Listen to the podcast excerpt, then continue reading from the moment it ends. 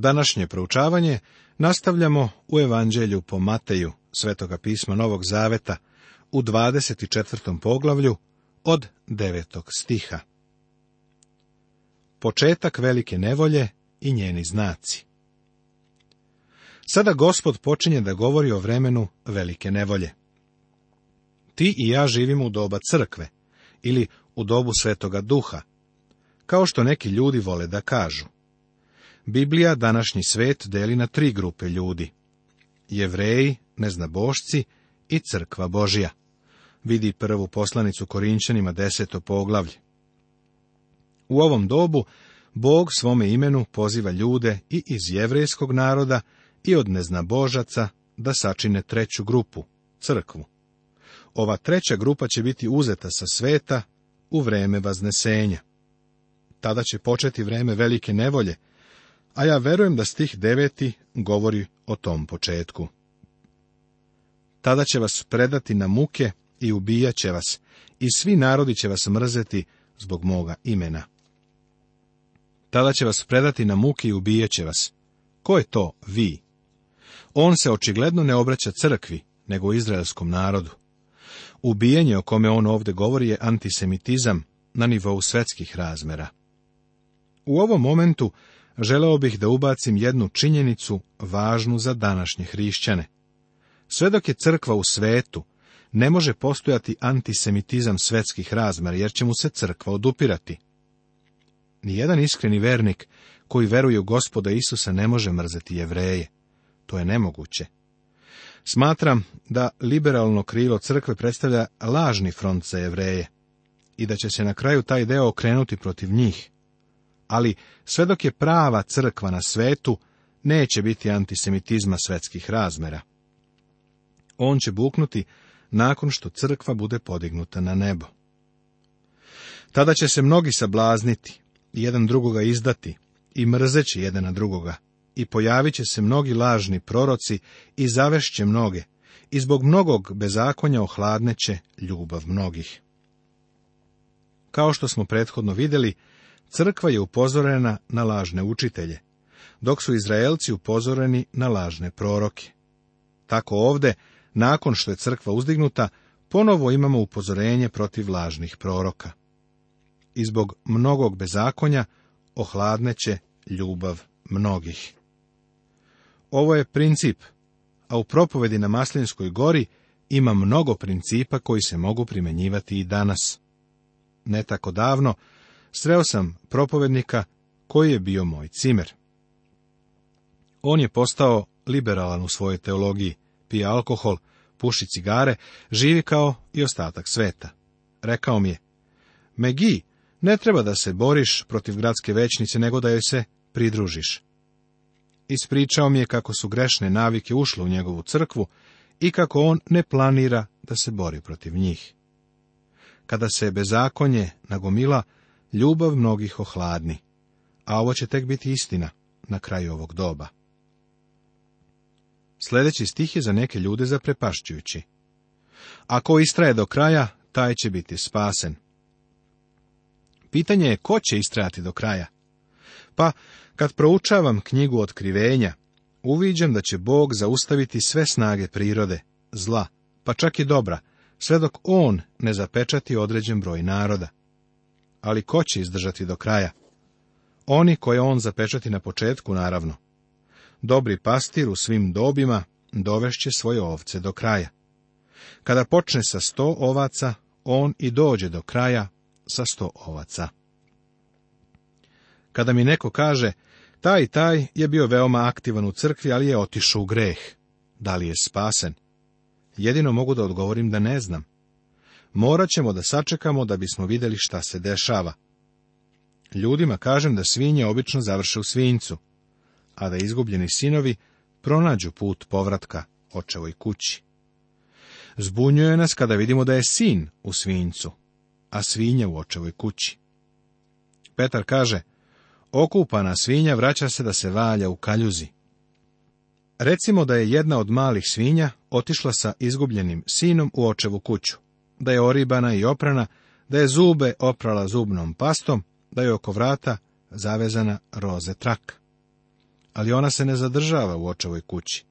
Pre ili kasnije će se vratiti do svinjca, gde i pripada.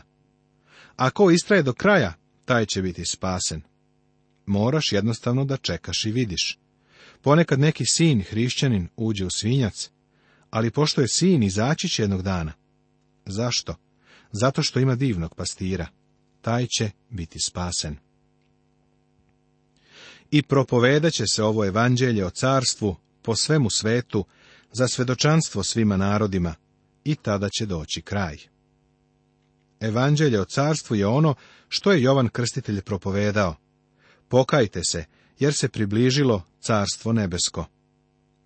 I gospod Isus je svoju službu započeo tom porukom. Otada poče Isus propovedati i govoriti pokajte se, jer se približilo carstvo nebesko. On je također poslao apostole sa tom porukom. Ali u 11. poglavlju vidimo da se gospodnja poruka promenila u dođite k meni, svi koji ste umorni i natovareni, i ja ću vas odmoriti. A u 20. poglavlju on je rekao da je došao da svoj život da kao otkup za druge. Ali u toku velike nevolje evanđelje o carstvu će se ponovo propovedati. To nije za naše vreme, jer mi treba da propovedamo evanđelje o Božjoj milosti. Da li je evanđelje o carstvu neko drugo evanđelje? Ne, prijatelju, nije. To je isto evanđelje samo sa drugim akcentom. Nemamo pravo da kažemo da je carstvo nebesko blizu, jer to ne znamo. Ali, kada počne doba velike nevolje, ljudi će znati da se kraj približio, iako neće znati dan ni čas. Prema tome poruka će biti, pokajte se jer se približilo carstvo nebesko. Dozvoli mi da odgovorim našim kritičarima koji kažu da mi koji držimo dispenzacionalistički pogled na sveto pismo, učimo da postoje dva i više načina da se bude spasen. Ne, Bog je uvek imao samo jednu osnovu za spasenje ljudi, a osnova je Hristov krst. Svako žrtvovanje pre Hrista je došlo kao slika na Hristov krst, a svako sećanje od vremena njegovog dolaska opet je usmereno na Hristov krst. Da bih ovo ilustrovao, vratimo se u prvu knjigu Mojsijevu u četvrto poglavlje i pogledajmo žrtvu koju je Avelj prineo Bogu. Doneo je malo jagnje. Da si bio tamo, mogao bi da pitaš Šavelja, zašto prinosiš jagnje? Misliš li da jagnje može da oduzme tvoje grehe? On bi ti odgovorio, ne naravno. Prinosim jagnje jer mi je Bog tako rekao. Prinosim ga verom. Zatim bi mogao ponovo da ga pitaš. Pa, ako ono neće poneti tvoje grehe, zašto onda Bog to traži od tebe? Avelj bi ti odgovorio otprilike ovako. Ovo jagnje ukazuje na jednoga koji će kasnije doći, na ženino seme, seme moje majke, on će poneti moje grehe. Ovo jagnje prinosim verom, shvatajući da sam grešnik i da mi je potrebna zamena. Vidiš, Avelj je gledao unapred, na onoga koji dolazi. Jovan Krstitelj je rekao ne samo ovo, pokajte se jer se približilo carstvo nebesko nego i ovo. Evo, jagnje Božije koje uklanja greh sveta. Ovo je zapisano u Evanđelju po Jovanu u prvom poglavlju Svetoga pisma Novog Zaveta. Jovan Krstitelj ga je prepoznao. Pre nego što je Hristos došao, svako ko je dolazio Bogu po Božijim uslovima bio je spasen na kredit. Bilo im je oprošteno na osnovu Hristove smrti. U starom zavetu Bog nikada i nikoga nije spasao zakonom. U srcu Mojsijevog zakona bio je žrtveni sistem. Donosili su Bogu jagnje, jer je zakon otkrivao da su bili prekršioci zakona, da nisu bili poslušni Bogu i da im je bilo potrebno da imaju zamenu, koja će plaćati kaznu za njihove grehe. Zakon je dat da se svaka usta zapuše i da sav svet bude kriv pred Bogom, zapisano je u poslanici Rimljanima u trećem poglavlju u 19. stihu Svetoga pisma Novog Zaveta. Prijatelju, ti i ja smo prekršioci zakona. Mi smo grešnici kojima je potreban spasitelj. Ono što treba da uradimo jeste da primimo Hrista kao svog spasitelja pre nego što on dođe kao vladar svemira, kada će postati tvoj sudija. Da se sada vratimo na stih koji smo razmatrali i propovedeće se ovo evanđelje o carstvu po svemu svetu za svedočanstvo svima narodima i tada će doći kraj. To ne znači da pošto je crkva ovde na svetu, onda kraj ne može doći sve dok se evanđelje o blagodeti ne propoveda svuda. Ja znam da postoje oni koji ovaj stih koriste da bi promovisali svoje programe za proučavanje svetog pisma. Iako je pohvalno želeti da se evanđelje proširi do krajeva zemlje. Ovo nije stih koji treba koristiti da bi se ovo promovisalo. Vidiš, prijatelju, važno je da se sveto pismo tumači u kontekstu. Seti se da gospod odgovara na pitanje koji je znak kraja vremena. On govori o tom kraju vremena. Velika nevolja i njen bol i jad. Gospod Isus sada daje znak koji će obeležiti ovaj vremenski period. Kada dakle vidite da gnusoba opustošenja, o kojoj je govorio prorok Danilo, stoji na svetom mestu, ko čita, neka razume. Šta je gnusoba opustošenja? Danilo nam govori o dve gnusobe opustošenja. Jedna je Antioh Epifanes, Sirijac, koji je došao i uništio Jerusalim. U knjizi proroka Danila u 11. poglavlju čitamo I vojska će stajati u zanj i uskrvni će svetinju u gradu i ukinuti žrtvu svagdašnju i postavit će gnusobu pustošnu. Istorija raspolaže činjenicom da je Antioh Epifanes došao na Jerusalim 170. godine pre Hrista. Tada je bilo pobijeno više od 100.000 jevreja. On je uklonio dnevne žrtve, prineo na oltar svinjsku krv i meso i na sveto mesto postavio Jupiterov lik, da se slavi. Međutim, gospod nesumnjivo upućuje na drugo gnusobno opustošenje, na koje prorok Danilo aludira. A ja verujem da će to biti antihristov lik, koji će biti postavljen u hramu. U toku velike nevolje hram će biti ponovo sazidan – i izraelski narod će se vratiti u Palestinu. Gospod očigledno govori o hramu, a ne o crkvi, jer u crkvi ne postoji svetinja. Međutim, ne možemo biti sigurni da je ovo gnusoba opustošenja, na koju gospod upućuje u odeljku koji je pred nama. Ovo je samo naše nagađanje. Ja ne tražim gnusobu opustošenja. Ne bih je prepoznao da sam je sreo na ulici ali ljudi će je u posljednjim danima tražiti, jer će ona biti znak koji će dokazati da su u periodu velike nevolje. Umjesto da tražimo Antihrista i njegovo opustošenje, nama je rečeno da očekujemo blaženu nadu i slavan dolazak velikoga Boga i spasitelja našega, Isusa Hrista. Naš gospod kaže, ko čita, neka razume, što znači da će ljudi koji budu živeli u to vreme razumeti. Pošto ti i ja tamo nećemo biti, on nam nije dao mnogo detalja. Sada nam je dat još jedan vremenski termin. Kada se pojavi gnusoba opustošenja, tada, tada stanovnici Judeje neka beže u gore. Od tebe i mene se ne očekuje da bežimo u judejske planine. Ja živim blizu planina Sjera Madre, a moj komšija mi kaže da ako na Kaliforniju bace atomsku bombu, on će otrčati u neki kanjon koji se nalazi gore, a ja mogu za njim. Ali ovim se ne bi ispunilo ovo proroštvo. U stvari ovo sa tim proroštvom nema nikakve veze. Proroštvo se odnosi na ljude u Judeji. Gospod daje proroštvo njima, a ne nama. Ako bude na krovu, neka ne silazi da uzme što iz svoje kuće. Krov u Palestini se podudara sa našim tremom. Dozvoli mi da ponovo istaknem da gospod govori narodu Palestine, a ne tebi i meni. Ovo upozorenje nije primjenjivo na nas.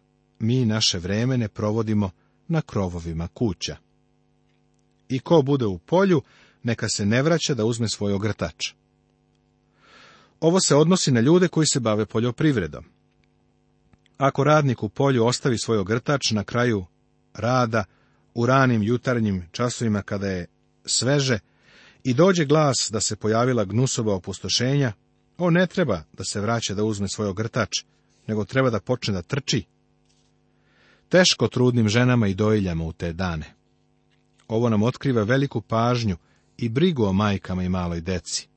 Nastaće vreme kada čovek ne bi trebalo da ima decu.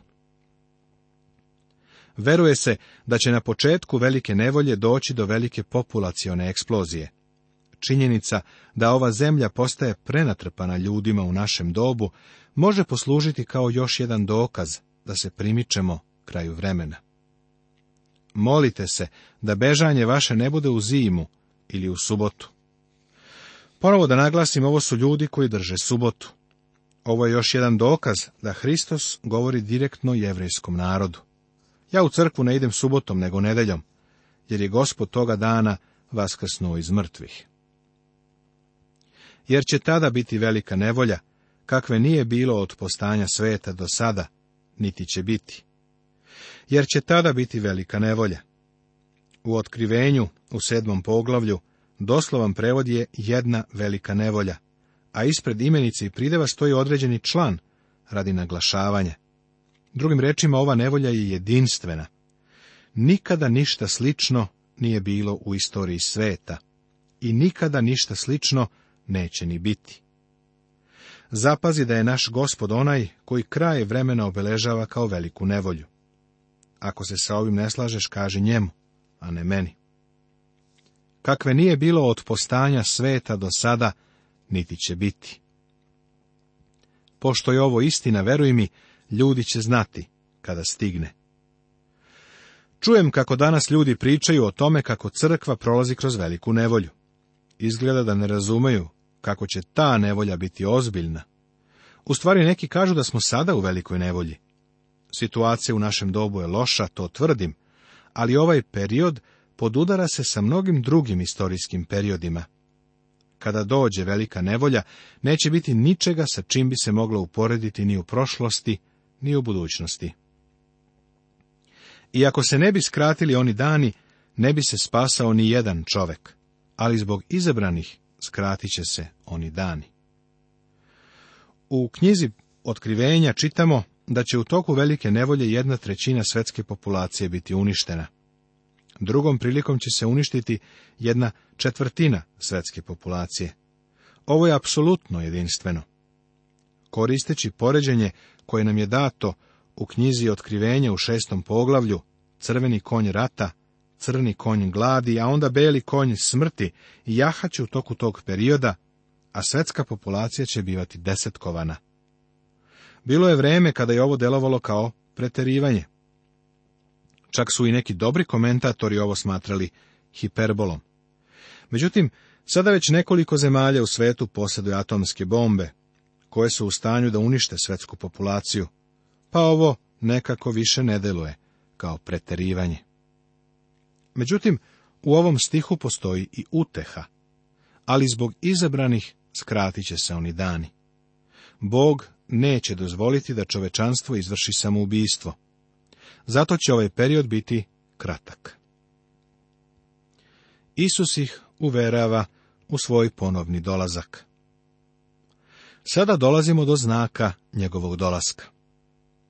Ako vam tada ko kaže, evo Hristos je ovde ili onde, nemojte poverovati, jer će se javiti lažne mesije i lažni proroci, te će činiti velike znake i čuda, da zavedu ako je moguće i izabrane. Eto, rekao sam vam unapred. Neka ti ne promakne poenta onoga što on ovde govori. Na sposobnost da se čine čuda u našem vremenu treba gledati s podozrenjem, jer sljedeći veliki čudotvorac neće biti Hristos, već će to biti Antihrist i njegov lažni prorok. Da zavedu, ako je moguće, i izabrane. Ko su izabrani? U pismu postoje dve izabrane grupe, izabrani iz izraelskog naroda i izabrani iz crkve. Treba da koristimo zdrav razum, da bismo razlučili o kojoj se grupi mislilo. O kome naš gospod govori do sada? O Izraelu. U redu, u ovom stihu i Izrael je izabran. Isus ne govori o crkvi. Ponekad neke ljude možeš da prevariš, ali Božiju decu ne možeš uvek da varaš, što jednostavno nije moguće. Pročitao sam mnoga pisma koje ovom svedoče. Nedavno sam dobio jedno pismo od jedne žene koja je izašla iz jedne verske sekte mesecima je slušala naš biblijski program pre nego što je uspela da uvidi grešku u učenju te sekte. Nije moguće da Bože decu stalno varaš. Oni će na kraju izići iz sekte. Ako vam dakle kažu, evo ga u pustinji, nemojte izići, evo ga u sobama, nemojte poverovati, jer kao što munja izlazi od istoka i seva do zapada, tako će biti i dolazak sina čovečijeg nastavit će se.